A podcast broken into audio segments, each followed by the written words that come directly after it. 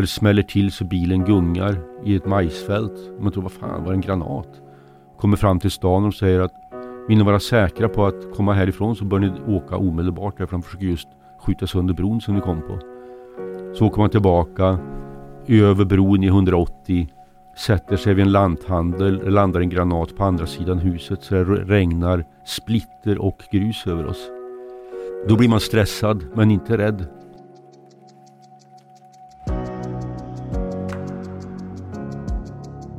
Det är över 30 år sedan men jag kan fortfarande känna ett glädjesvall när jag tänker på ögonblicket då samtalet kom.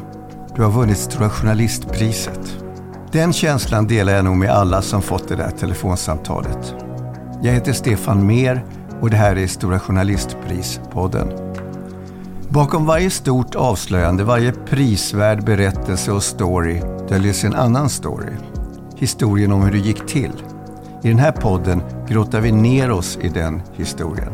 Pratar med Sveriges bästa journalister om Sveriges bästa journalistik. För journalistik är också ett hantverk och det är journalistikens skickligaste hantverkare som belönas med Stora Journalistpriset. Men hur gör de? Vad driver de? Hur tar de sig förbi alla hinder på vägen? Han har varit journalist i över 40 år för han ville resa och han ville berätta. Det har han gjort. Från Hörby kommunhus till Himmelska fridens torg. Överallt i världen har han varit. Alltid nyfiken och frågvis och ofta ganska arg och ettrig. Hans hemlighet? Han tror inte på smarta frågor. Frågorna ska vara raka, enkla, gärna naiva. Och man ska lyssna på svaren. För det har han belönats med journalistikens finaste priser, till och med Stora Journalistpriset. Nu har han fått ta emot det ännu en gång, Lukas Bonniers Stora Journalistpris 2021. Välkommen Peter Kadhammar. Tack så hemskt mycket. Du, du såg verkligen tagen ut eh, när du tog emot priset igår. Ja, men det är klart man blir tagen när man får ett pris för sin livsgärning så att säga. Det, det är ju helt otroligt. Ja. Hur kändes det att stå där uppe på scenen och alla reste sig upp och hyllade dig? Ja, men det, det är klart att man blir berörd. Va? Det, att få ett sånt pris är så totalt överraskande. Eftersom jag redan fått Stora Journalistpriset en gång för 20, 21 år sedan. Ja. Du, du satt på ett eh, café på Sicilien och talade på Facetime eller WhatsApp med din fru Pia. Ja. Och så plötsligt dök Jonas Bonnier upp på skärmen. Vad hände? Ja men, men eh, det var väldigt synd för att, eller det var synd så tillvida att jag satt och tänkte jag ska säga till Pia att jag kom hit ner så får jag nafsa dig på halsen. Men jag hann inte säga det. Men det hade varit så kul och sen kommer Jonas Bonnier upp och då kan jag säga jag menade inte dig. Stick! Han låg en replik före dig. Där. Ja, precis. Nej men det är klart jag blev ganska häpen. Jag trodde det fanns någon konferens hemma hos oss. Eller... Jag förstår det va? Liksom, ja. Vi sitter ju hemma och jobbar ibland. Så. Vad sa han då? Ja, han sa att han ville gratulera mig till Lukas Bonniers eh, stora journalistpris. Trodde du honom? Nej, men jag sa ju det, jag har ju redan fått priset. Det, ska inte, det här är ju för sådana som inte har fått det så att säga. du har fått många fina priser, inte bara Stora Journalistpriset tidigare. Senast eh, Tom Alans nyinstiftade pris. Och I nästan alla motiveringar till varför du har fått priset så framhålls det ständigt att du är ständigt förbannad eller ettrig som det stod i motiveringen igår. Känner du igen dig i den beskrivningen? Nej, det gör jag faktiskt inte. För jag har alltid sagt att man ska skriva med gott humör. Och det gör jag faktiskt. Ettrig, det kanske är liksom att jag hoppas i alla fall att jag har en attack när jag skriver så att säga. Men för, förbannad, ja, ja, ah, jo men det är ettrig. Men det, jag, jag ser det i och för sig som he, hedrande att vara ettrig. Allting annat vore väl fel i en sån hemsk värld vi lever i. Mm. Men är det en nödvändig drivkraft för dig? Har den där attacken och har det där äh, humöret utav äh, antingen ilska eller... Nej, men, men man måste ju liksom när man skriver precis som om du gör någonting annat, om du spelar eller äh, ett instrument eller sådär. Du måste ju liksom koncentrera dig och försöka få en attack i vad du nu gör. Va? Eller om du håller ett tal eller vad som helst. Så kan du inte luta dig tillbaka. Du måste ju, du måste liksom försöka driva framåt, driva, driva texten framåt. Och det kan man göra på olika sätt förstås. Man kan ha olika ton, olika temperament, olika, det beror på vad du skriver om helt enkelt. Men hur skulle du själv beskriva ditt temperament? Har ingen aning faktiskt. Så jag vet, det blir bara så jävla konstigt om man ska beskriva sitt okay, eget temperament. Vad, vad är det som triggar dig då? Triggar med en bra historia. Absolut, i alla, alla dess former. Och hur upptäcker du att det är en bra historia? Ja men det, det, det kan vara väldigt olika. Det är det att man hittar, det brukar vara någonting man ser eller någon, någon mening eller ett samband, ett sammanhang man ser. Det kan ju vara så himla olika men ibland kan man ju, om man gör något stort, bestämmer mig, ibland kan jag bestämma mig för ett ämne så att säga, det här ska jag skildra. Problem med demokratin säger vi i Sverige, hur ser det ut idag? Ja, men då ringer jag ju runt och pratar med liksom kanske kommunpolitiker i en massa olika kommuner och, och sådär fiskar och liksom känner mig för på ämnet och så plötsligt är det någon som säger någonting att Yes, nu fattar jag precis, det här är grejen. Det, det, där låter som ett väldigt stort och abstrakt ämne. Ja. Är det ofta sådana ämnen som du går på? Inte, så, inte lika mycket nu som förr när jag skrev. Liksom, då skrev jag, förr skrev jag mycket mer så här långa sammanhängande reportage du vet som gick kunde gå på sex sidor i tidningen och sådär va. Men eh, då var det ju ofta sådär att jag kunde bestämma mig för ett, för ett ämne. Och så, det kunde gärna vara abstrakt då? Absolut. Och hur gick du tillväga då, då för att tränga in i ett sånt? Låt Eller ta, ta, ta eh, bankkrisen 1991. Fast såklart ville de att jag skulle, jag, då ville tidningen, då var kvar i, i Tyskland, men tidningen ville att jag skulle komma hem och jobba från Tyskland men försöka skildra bankkrisen. Bara det så att säga. Va? Vad är det egentligen? Och det är ju då sådär, då får man ju ringa runt och börja, börja som ett skolbarn liksom och försöka hitta någon kunnig människa. Men, som... men ringa runt, ja. om jag nu var journaliststuderande ja. och skulle börja ringa runt, ja. liksom var, vilket, vart går det första samtalet? Ja, gör en lista då, vad, vilka kan det här ämnet till att börja med och vilka är, kan vara beredda att prata med dig. I fallet då bankvärlden, ja då kan du väl ringa till någon ekonom till att börja med som förklarar hur, fun hur fungerar bankvärlden, hur fungerar en bank? Man kan, man kan börja där. Vilken bank och sedan kan du börja tänka vilken bank är intressantast att titta på i det här fallet då, bankkrisen. Ja, så gör man en lista på personer som växer efterhand. För varje person som jag pratar med så frågar jag vem tycker du jag ska prata med mer? Och när du sen, så sen har samlat in allt det där, mm. hittat dina historier mm. och sen ska sätta dig ner och skriva. Hur går det till när du skriver? Vet du hur du börjar? Nej, alltså ja, det, vet, det vet jag. Man känner ju liksom, nu har jag första meningen. Och det, det, bara man har den så, så brukar det ju gå ganska bra va. Men har man inte den, för den sätter ju liksom tonen för alltihop. Den kan man ju leta efter och ibland känner man ju liksom att man sitter och skriver och så det, det, blir ingenting, det händer ingenting va. Och då får man gå tillbaka, då är det ju första meningen alltid det är fel på. Mm. Som liksom sätter liksom ja, tonen och, och infarten i hela ämnet. Va? Tar det dig lång tid att skriva? Nej, jag skriver, jag skriver för fort egentligen. Det, det är ingenting att, att, sträva efter så att säga. Det, det kan väl vara bra ibland. Jag var ju reporter på Expressens morgonredaktion och då fick man ju skriva fort som tusan. Men eh, läsaren bryr sig inte om om jag har skrivit en text på två timmar eller tio timmar. Det viktiga är att den är bra. Så det, det är ju liksom ingen, det finns ingen, ingen så att säga, inget ära i att skriva fort. Det kan tvärtom vara ett problem. Och går det för bra och går det för fort, då blir texten ju ofta för luftig. Det ska vara lite svårt att skriva. Skriver du om ofta? Nej, det blir, jag, jag gör inte så. Utan jag, I regel så skriver jag så småputsar. Jag skriver inte om hela texten. Det undrar, jag kan inte minnas. Ja, någon gång har jag väl gjort det. Men... Kör du fast ibland? Ja, men då kör man fast. Och det är inte så ofta heller. Gör man det då, där finns ingenting som heter inspiration och sånt där larv. Kör man fast då, kan, då är det för att man inte kan ämnet. Det är alltid så. Då, har du, då är det någonting du har missat. Du, du förstår inte riktigt vad du håller på och skriver om. Då får du liksom börja ringa folk igen eller läsa på eller vad det nu som krävs så att säga. Men det kan vara andra skäl till att man, man kan ha för mycket research till exempel. Oh. Eller man kan, kan ämnet men man vet inte riktigt hur man ska gestalta det. Ja, fast det, just det där tycker jag inte jag har haft så himla stora problem med. För mycket material kan man väl, det kan man väl ha på sätt och vis, men en del av journalistik det är ju faktiskt att skala bort och ta fram det väsentliga. Det som vi brukar kalla för vinkel och som folk ibland används som någon slags skällsord. Ni bara vinklar. Och det är klart vi vinklar. Vi måste väl bestämma oss vad man berättar om. Har du några ritualer när du skriver? Nej, fast jag som alla, eller som inte alla andra men väldigt många föredrar ju att skriva på morgonen och det gör jag också. Och förr så skrev jag, kunde jag gå upp, om jag skulle skriva ett långt reportage så kunde jag gå upp så jag började skriva vid fem på morgonen.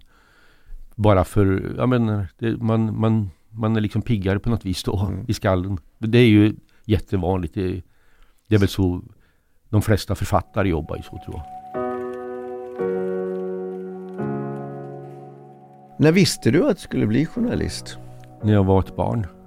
Men hur, hur gammalt var det barnet? Det barnet kanske var 14-15 år. Och hur, hur visste barnet att eh, det, här är, det här är vad jag vill göra i resten av mitt liv? Jo men det, jag, tyckte det var roligt, jag tyckte det var roligt att skriva uppsats i skolan och sådär. Så att jag alltid tyckte det var kul att skriva. Och så gillar jag liksom journalistromantiken, du vet. Eh, Tintin och Steve Rooper i nya seriemagasinet och sådär. Journalister som springer med hatt och sån här eh, presskort som sitter i, hatt, i, i hattbandet. Ja. Jag, jag så sökte jag till Journalisthögskolan två gånger och kom inte in. I Göteborg. Men det, det liksom bröt inte mitt, mitt självförtroende. För att jag hade ju hållit på och skrivit så att säga. Jag skrev ju då tidningen Gnistan. Den maoistiska tidningen Gnistan på 70-talet. Jag skrev ju en del där. Va? Hur gammal var du då? Ja, 19-20 år sådär kanske. Men vad var ditt första tidningsjobb? Mitt första ett, alltså tidningsjobb, alltså på, att vara på tidning, det var när jag var sommarvikarie två somrar på Gnistan, SKPs tidning Gnistan. Och skrev utrikesgrejer. Men då var jag nere, det är sånt man betalade själv, de hade ju inga pengar. Så jag var nere till Tjeckoslovakien och intervjuade den demokratiska oppositionen där, Karta 77. Jag intervjuade i princip alla utom Václav Havel som satt inne. Mm. Han satt väl inne första gången och andra gången så så såg vi honom, min tolk och jag, vi satt på någon restaurang. Och då kommer Havel in där liksom med två gorillor som går precis efter honom. Och jag menar du vet trakasserar. Skinnjacksklädda säkerhetspoliser som liksom sätter sig. Havel kommer in, sätter sig vid ett bord, sätter sig vid bordet bredvid och bara stirrar på honom. Så det var heller inte läge för intervju då. Mm. Så det var lite synd att jag missade honom men annars, annars liksom träffade jag väl alla i stort sett. Men då fick du smak på att bli journalist liksom? Ja, absolut. Absolut. Men den smaken hade jag ju redan. Men då, det fick jag väl blodad tand. Blodad tand, ja. det. Blodad tand, jag letade efter det. Men sedan, och, sedan mitt civila, första civila journalistjobb så att säga. Det fick jag ju då sommaren 79. När jag hade gjort lumpen. Och då hade jag pluggat statskunskap och historia i brist på att jag inte kom in på Journalisthögskolan. Och då hade Aftonbladet faktiskt en liten, liten, liten annons. Det var tidningen Härjedalen söker sommarvikarie. Och då ringde jag dit upp och sa Hej, jag heter Peter, du har jobbet. Så, du hann inte längre Nej, ungefär. Till förnamnet. Det, det var, du har jobbet, när kan du börja? Kan, kan du komma imorgon? För de hade inte annonserat efter sommarvikarie. Det var en redaktion då med tre personer. Och jag skulle bli den tredje då. Och ett, ett krav var att man skulle ha körkort men det hade jag inte men det var okej okay det också.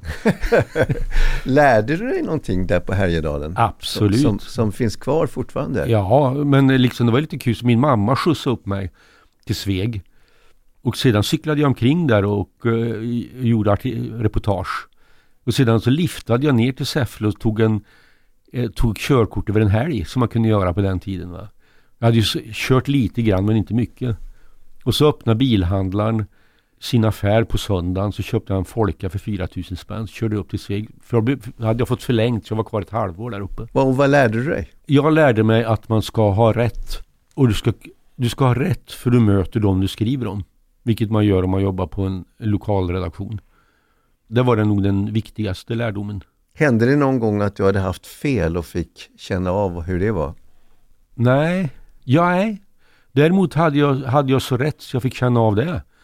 För att vi var ju också lokalredaktion då för, för Länstidningen Östersund. Som, som eh, var socialdemokratisk. Och som då var en väldigt, väldigt framgångsrik socialdemokratisk tidning. Det var, så den var liksom en skinande juvel i A-pressen som det hette, de socialdemokratiska tidningarna. Och det var ju valåret 79 och då var, var Kjell-Olof Fält i Sveg och höll ett tal. Det var, det var någonting med avverkningen av skogen, att skogsägarna liksom var mot, gick emot någon linje han hade. Och då skrev han, och han skrev att vi kan väl vidta åtgärder om det kommer att vidta åtgärder om det behövs någonting. Och då skrev jag att han beskrev skogsägarna som ett lik i lasten. Och det var, var väl liksom kontentan av vad han sa tyckte jag. Va? Och då ringer chefredaktören nästa dag och säger att Kjell-Olof Feldt är bestört. jag tror faktiskt att de hade in någon rättelse. Hur kändes det? det kändes... Jag tyckte det var löjligt. Men du skakade, du blev en darrade inte på manschetten när landets, jag vet inte om han var finansminister då eller vad han var för någonting. Ja, han var väl finansminister, ja. eller när, finansminister, han, när han var finansminister. När han var bestört över vad den här unge reportern hade skrivit? Nej, inte alls. Det, det är faktiskt inte. Det var väl liksom dumt, det kanske var en klumpig formulering om mig, det var det väl va. Men vad tusan, jag, jag hade väl skrivit liksom korrekt vad han sa. Du, sen gick du vidare till Gefle Dagblad. Ja. Och det var samma sak där. Va? Att de annonserade ut två jobb. Det ena var vikariat på centralredaktionen och det andra var lokalredaktionen i Hofors. Ingen människa ville ha jobbet i Hofors och det fick jag. Fast jobb. Så det var ju förnämligt. Och vad lärde du dig av den tiden som du har tagit med dig? Ja, alltså dels samma sak var att liksom vikten av att ha rätt. Men sen så lärde jag mig otroligt mycket sådär svensk industripolitik. Du vet, jag hade ju det här enorma stålverket SKF Steel som det heter då. Nu heter det Ovako Steel. Som låg där och som liksom hela bygden var ju byggd hade ju uppstått kring det här stålverket och gruvverksamheten som inte fanns längre i och för sig. Så att jag, jag, jag menar, vi höll, jag skrev mycket om dem. Och det, och det var ju fantastiskt lärorikt. Och sen lärde mig liksom kommunpolitiken. Ja, men det var ju en väldigt fin och intressant, intressant skola. Och så träffade du din fru, Pia Skagermark. Ja.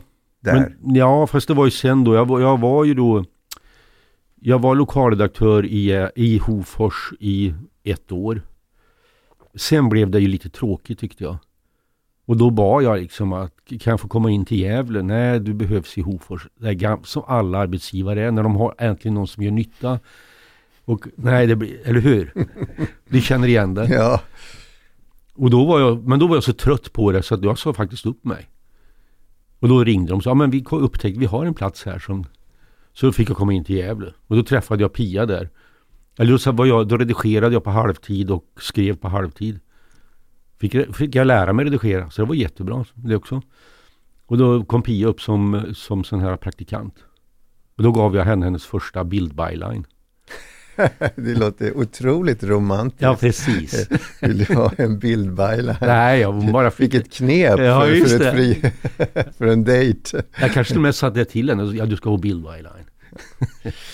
du, gjorde några skop där på Gävle Dagblad? Absolut, eh, men första gången Första dagen på jobbet så gick jag upp till kommunen och kollade diariet och det hade ingen gjort före mig. Så att de var helt häpna. Kan jag få se diariet tack? Jaha, ja visst då hittade jag där ett brev från arbetarkommunens förre ordförande. Alltså en gammal fin socialdemokrat som inte hade varit utanför dörren på, jag, jag minns inte nu, men säg flera månader. För de hade dragit in färdtjänsten för honom. Och det var ju liksom himla märkligt. Va? Så att jag var hemma och intervjuade honom. Så det, var, det blev ju en lokal skandal då förstås. Va? det går en historia om att du eh, upptäckte att man sköt katter. Ja, ja, ja, men det var ju ett skop som jag inte fick publicera. Och det, det var ju alltså, jag var ute med hälsovårdsinspektören i Hofors. För liksom, det gör man ju liksom, man letar, vildkatter va. Som inte går omkring och de så lider och är väl ett slags kanske skadedjur också men de lider i alla fall. Och då sätter de ut fällor med liksom någon slags myskdoft eller någonting som katten gillar. Och så kommer den dit och fångas i fällan som en stor bur. Och sen eh, hade han pistol med sig, en salongspistol och sköt dem va. Och jag var med på den kattjakten och liksom bad honom, kan du hålla upp katten? Ja, visst. Och så gjorde han, höll han upp den och så sköt han den. Så höll han pistolen så där och så sköt den. Och jag fotograferade och jag, men det var inga konstigheter och så, och så skrev jag en artikel om det där. Och då så stoppade chefredaktören där för han tyckte det blir sånt väldigt liv. och sedan kom jag till Expressen som sommarvikarie. Jag erbjöds jobb som sommarvikarie där. Och då hörde de snacka på, vid, vid desken. Att eh, liksom det var någon artikel från Kalmar. Har för mig det var. Va? Hur liksom hälsovårdsinspektörerna där sköt katter. Och så, men sånt där har jag bild på, så jag. Och så hämtade jag mina, mina negg som jag hade med mig. Negativ. Och så, kör, så kördes det liksom på etta löpet, sexan, sjuan, åttan, nian. alltså det var... I Expressen? Ja, ja. Och då sa de att, uh, växeln hade aldrig varit så nerringd. Men hälsovårdsinspektören uppe i Hofors, han, han tog det lugnt. Va? Det, liksom, vadå, det var ju jobbet. Det, var ju det, det är ju som det är. Men tidningen vill inte publicera det. Blev Nej. du kvar på Expressen sen då? Ja, sen, sen blev jag kvar på Expressen i, ja, i fem, sex år. Va? Och sen började jag med att starta tidningen Z, Jan Stenbecks finansmogulen Stenbecks. Får jag bara fråga, vad ja. gjorde du? Vad var du för slags reporter på Expressen? Morgonredaktionen. Så jag började fem på morgonen och jobbade till ett väl. Då hade vi deadline nio på morgonen. Det här var då för alla som lyssnar, så var det på den tiden då tidningen bara fanns på papper. Och den gjordes i tryckpressar som spottade ut det där pappret och kördes det ut med bilar sen. Det är bra att du är pedagogisk ja. och förklarar det här. Och då satt man där på tidningen och så kände man att det började vibrera i golvet. Då var det tryckpressarna som startade. Det var tider. Ja, det var, men det var ju rolig, rolig dramatik sådär att man måste hinna med och ibland kom ju då redigeraren och, och tog pappren efterhand när man skrev, alltså som kunde läsa och Men var du bara morgonreporter på Expressen eller? Eh, ja, de där första åren då, för det var samma visa där som med lokalredaktionen, att jag bad faktiskt, kan jag inte få göra någonting annat nu, men jag har varit morgonreporter. Och jag, jag vill ut och resa och jag vill skriva annat. Och då var det som vanligt då, att de sa, nej men du behövs verkligen där du är. Mm. och då sa jag upp mig. Och då var det samma vis, ja men vad vill du göra då? Och då sa men nu är det ju för sent, jag har sagt upp mig, jag ska vara med och starta en ny tidning. Det var så det började med Zeta? Ja. Och ni var ett gäng, det var du, eh, några namnkunniga, det var eh, Robert, Robert Aschberg och Jörgen Witzell. Hur var den konstellationen mellan er? Vad var din roll där i den konstellationen? Jag skrev mina, eh, ett reportage i månaden. Det var ganska, det var väldigt intressant för att när man, jag ringde personer till exempel om ubåtsjakten i, i Horsfjärden så pratade de med mig på ett sätt som de inte gjorde när man jobbade på Expressen. För då blev vi inte rädda på samma sätt. Jag menar Expressen, då är det som Rikspolisen eller regeringen ringer eller någon. Det var sån väldig makt i en stor jättetidning. Men de ringer från en tidskrift, Z liksom med 50 000. Vi hade ju i och för sig en stor upplaga va? men går inte att jämföra med de stora tidningsdrakarna. Så var folk hade lättare att prata och berätta saker. Så jag tycker man fick ut mycket faktiskt. Hur lång tid pågick det hela? Ja, jag var där i två år, sen blev jag värvad tillbaka till Expressen helt enkelt.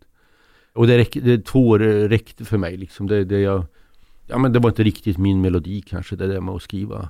Vad var det Så, som inte var din melodi? Nej men det liksom, det var inte, jag föredrar en dagstidning som te, tempot på en dagstidning helt enkelt. Atmosfären på en dagstidning och sådär. Men att du blev värvad tillbaka, det ja. måste varit ganska sensationellt på den tiden. För det var, Expressenkulturen var ju ofta så att hade man en gång lämnat, ja. då var dörren stängd. Ja, och det sa de, det var faktiskt någon nyhetschef som sa till mig till och med. Att, ja men sluta, då kommer du inte tillbaka. Nej, det gör väl inte det då, hej då. Så att det var väl inte, inget konstigt med det och det är väl jäkla konstig stil att säga sådana saker. Men det gjorde man på ja, den tiden? just det, men det var väl en del av grabbkulturen på något vis, en slags sektkultur nästan. Det var väldigt ja. eh, Det var mycket hårdhänt lojalitet så att ja, säga. Där. Ja. Hur var det att komma tillbaka till Expressen då? Ja, jättebra. Och då ville de ju att jag skulle liksom skriva reportage. Långa reportage. Jag liksom fick stor frihet och sådär. Så det, det, var jätte, jättebra. Det, det var en fantastisk period för den tidningen. Den kanske finaste period under Strömstedt-åren. Innan alla problem började. Men det fanns, de var enormt stor och den var enormt rik. Du, eh, om det var liksom, vad ska jag säga, tre lite hårdföra journalisttyper sådär mm. som ni var när ni gick dit. Tycker du själv att du har ändrats? Ja, det, det, man förändras med nödvändighet givetvis med åren. Men framförallt så för, om du kommer ung och ettrig reporter det är ju en sak när du är 25 år så att säga. Då slår du liksom på något vis alltid underifrån. Men nu när du är 65 och så har du en position som gör att folk skulle nog uppfatta det som att man slår uppifrån. Det är du medveten om? Mycket medveten. Hur, hur tar det sig uttryck? Ja, men jag försöker verkligen. Det låter så himla högtidligt och fint på något vis. Finare än vad det är. På, men att inte göra att vanligt folk liksom inte ska fara illa va. Gjorde du, kände du att det hände i din tidigare journalistiska liv att, att det blev så ibland att du gjorde folk illa med vad du skrev utan ja, kanske avsikten? Ja, och, och kanske liksom utan, utan liksom tänka mig för riktigt grann. Va? Och idag, men nu liksom, men kanske är så att man alltid liksom blir blödigare och blödigare med åren. Men för några veckor sedan eller några månader sedan så la jag ner ett jobb som det var en väldigt, väldigt bra historia. Men det var ändå så där att personen jag skulle skriva om kunde kanske liksom råka eh, liksom illa ut på ett sätt som han inte förtjänade riktigt. Va? Även om han hade begått ett brott faktiskt. Och då, då la jag ner det. Jag tyckte det, det, ja, men, ska han liksom få sitt liv i kaos för en artikels skull? Nej. Hade du gjort det i ditt uh, yngre journalistiska Ja, det tror jag nog. Då hade jag, för det var liksom inget, inget fel i att skriva om det så att säga. Va? Men, då hade du skrivit? Antagligen. Ja. Jag vet att du har sagt i någon annat samtal om när du ska göra en intervju om dig själv att du kan inte säga någonting om dig själv utan att nämna Viggo, din och Pias son. Mm. Som så eh, gick bort så tra tragiskt. Mm. Vilken betydelse har det traumat haft för, för dig som yrkesman?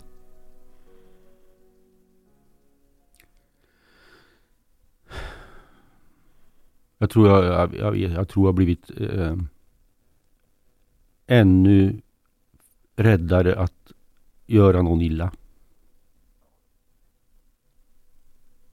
Har du blivit känsligare och skörare utav det? Ja. Jo men eh, hela livet är ju förändrat givetvis. Mm. Du har ju tänkt många krig och konflikter ja. som reporter och jag har förstått att du slutade när ditt hjärta sa ifrån. Ja. Ja men jag fick, eh, jag fick en hjärtinfarkt 2007, vintern 2007-2008. Ja men det var ju så att jag upptäckte att liksom, aj, det gör jätteont i armen. Och så var det så himla tur. Va? Men det är grejer du kan, man kan strunta Aj, aj, aj, okej, okay, men det går väl över. Men så var jag ledig, julledig, så tänkte jag går till doktorn. Och så hade jag en jätte, träffade en jättebra då, eh, husläkare då som gav sig tusan på att de skulle kolla vad det här var. Och hon förstod väl kanske vad det kunde vara. Mm. Sedan eh, fick jag, när de kom på då att jag hade förträngningar så hade jag då en tid på Sankt Göran två veckor senare. Så sa de Lyft inga kylskåp, åk inte till några krig. Och känner du att det börjar göra ont i armen eller något bröstet så åker du omedelbart in akut. Och så var jag nere i Karlskrona och, och skrev om Rödbyrättegången. Och eh, sitter på ett café där så, aj, nej. Åker in till sjukhuset där. De har thoraxkirurgi. Hade. Två dagar senare är opererad, bypassopererad. Mm. Tur. Men då säger doktorn till mig sen då att man ska, de utreder en massa då, va? Liksom hela hans livsstil. De, jag hade ingen dålig livsstil. Det är så här livsstilssjukdom mycket. De, de sorterade in mig på de 15 procenten som har otur. Och då så sa de, du får tänka över ditt liv. Och då tänkte jag över då att okej, okay, åka till krig, utsätta sig för potentiellt fruktansvärd stress. Nu när jag också vet hur skör kroppen är. Mm. Jag kan hoppa över det. Var du ofta rädd när du var ute på eh, konflikter och bevakade krig? Nej, rädd, rädd är fel ord. Stressad och en underliggande stress alltid. Eller är det ju givetvis om det ligger bakom en mur i Peking när stridsvagnarna åker fram till torget för att, för att rensa bland studenterna. Och de skjuter, man ligger liksom bakom en mur, de, de skjuter. Eller om du befinner dig i Kroatien och åker över till en liten stad som heter Petrinja söder om Zagreb. Och det smäller till så bilen gungar i ett majsfält. Man tror, vad fan, var det en granat? Kommer fram till stan och säger att vill ni vara säkra på att komma härifrån så bör ni åka omedelbart därför de försöker just skjuta sönder bron som ni kom på. Så åker man tillbaka över bron i 180 sätter sig vid en lanthandel, landar en granat på andra sidan huset så det regnar splitter och grus över oss. Då blir man stressad men inte rädd. Du har samtidigt reagerat väldigt kraftfullt mot att det är en slags glamorisering Ja. utav Ja, jag, jag har aldrig liksom tyckt att jag, jag blev aldrig en av de här uh, adrenalin uh, stinna personerna som liksom vill ha den här adrenalinkicken som det onekligen är och bevaka den största dramatik som finns, nämligen ett krig. När hela samhällen kanske kollapsar och, och så vidare. Jag menar, jag, tyckte, jag var alltid liksom lite deppad, om man får säga så, när man kom hem. Va, liksom, ner, ja, men så, se alla här g- e- eländet, va, och alla döda och alla uppbrända hus. Hur kan man finna nöje i det? Det, det känns som att just det du berättar lite grann nu om Himmelska fridens torg, att det är kanske den konflikt som har gjort störst avtryck i ditt liv. Nej, det är faktiskt eh, Bosnienkriget. För Bosnien, under Bosnienkriget, och jag, är, jag liksom bevakade egentligen då Kroatienkriget först och sen Bosnienkriget. Och det höll ju bra på från 99, 91 till 95 kan vi säga. Ja, men, nu låter det också väldigt högtidligt va? men det var någonting i min, ens tro på människans, och det tror jag det, jag har gemensamt med många som täckte det, som man, man tappade där va. Hur liksom folk som har bott grannar plötsligt börjar mörda varandra och våldta varandra. Att folk kan vara ändå så lätta att manipulera och att de är så villiga att låta sig manipuleras. Det tycker jag var en otroligt nedslående insikt som man fick där. Och då, för jag hade ju varit också ganska mycket i Jugoslavien. Det var ett av mina favoritländer. Jag gillade det och hade skrivit om deras framgångsrika nationalitetspolitik. Jag förstår att det tog dig hårt. Himmelska fridens torg eh, har du återvänt till flera Ja. gånger. Ja, jo då för tusan. Jag har varit där jag menar, jag har ju varit där några gånger och skrivit och både om vad som hände på torget så att säga men också om, om den kinesiska utvecklingen så att säga. I ditt tacktal så hyllade du eh, redaktörerna. Ja, Varför är redaktörer så viktiga? ja men eh, jag hyllade dem därför att de allt för sällan får tack. Ja men de är ju så o... Ja men deras eh, betydelse kan ju inte överskattas. Och det är, det är livsfarligt idag med, som jag sa igår, med, med alla de här eh, digitala systemen som finns. Där någon tidningsledning kan ju få för sig att redaktörerna inte behövs. De som läser och granskar texter och som utvecklar rubriksättandet, rubrikerna till en konstart. Jag menar, hur många gånger har inte alla reportrar i den här världen blivit räddade av redaktörer? Har du blivit räddad många gånger? Absolut. Jag menar så här små saker som man sitter och skriver och så har man liksom skriver man kanske fel förnamn på en person. Jag vet någon som man har träffat någonstans i, och det går fort allting. Och så upptäcker redaktören, men du, du skriver att den heter Lars, heter han inte Sven när du pratar med honom? Eh, Ja men sådana saker. Eller Men nu, Härom månaden eller för ett tag sedan jag skulle skriva någon kolumn om något ämne som jag totalt hade missförstått och som, som eh, Karin Schmidt, redaktionschefen, väldigt pedagogiskt förklarade hur jag hade missförstått det. Men så att vi publicerar givetvis, va? det är din kolumn. Men bara så du, så du vet det här. men du talar om redaktören här mer som en rättare och korrekturläsare, men redaktörer är ju också um, mer än så. En korrekturläsare, jag menar det är ju, de tar ju hand om min text. Så de är inte korrekturläsare, de tar ju hand om texten, gör ut den, sätter rubriker, skriver oftast bildtexter, är ju en slags eh, samtalspartner också. Så det, är absolut inte korrekturläsare de är. Men bakom även de duktigaste skribenterna Ja. så finns en bra redaktör. Självklart. Så har det alltid varit. Jag hoppas det alltid kommer att förbli så. Och, för, och blir det inte så, så kommer kvaliteten att försämras dramatiskt på tidningarna. I din senaste krönika som jag antar att du har skrivit från Italien så skrev du om dina madeleinekakor. Mm. De här lukterna av kol och, och cigarrer i Vilnius och Berlin och Belgrad och Bukarest och Kosovo och alla de här äh, städerna där du har varit. Det, det, var, en, det var en krönika full av nostalgi också. Ja. Har priset kanske försatt dig i ett litet nostalgiskt tillstånd? Nej. Jag är ingen nostalgiker. Jag ser framåt. Jag har många år kvar. Det låter lovande. Ja. Men du var ändå nostalgisk där. Ja, eller nostalgisk. Det är mer sådär man slungas verkligen tillbaka. Jag menar, jag, jag, eh, jag reste mycket i gamla Östeuropa och skrev mycket om, om, om gamla Östeuropa. Så det, det är klart att man, det blir något speciellt det där. Det var där man dels så spännande och intressanta öden och allt sånt där. Och dels var det där man på något vis då tog sina första riktiga steg som reporter. Det är klart det är något speciellt. Det blir den där omisskännliga lukten av lågoktanig bensin och kol och billiga cigaretter och frätande tvättmedel. Det passar ju bra nu när du har fått en sån här Lifetime Achievement Award. Ja, ja. Jo men faktiskt, jag valde på några ämnen jag skulle skriva om. Men då tänkte jag att den, där, den här veckan passade bra men det är en lite mer finstämd sak. Ja. Var hänger ditt första Stora Journalistprisdiplom? Det hänger i arbetsrummet till höger om fönstret. Och vad ska det här nya diplomet hänga? Det ska hänga under det, det förra, tror jag. 100 000 kronor rikare är du. Vad ska du göra med pengarna? Jag ska slösa upp dem på något onyttigt. det låter bra. Ja. Okej, grattis än en gång Peter Karlhammar. Tack för att du kom hit. Tack för att jag fick vara med. Tack, tack. Vinnaren av Lukas Bonniers Stora Journalistpris 2021 heter Peter Kadhammar.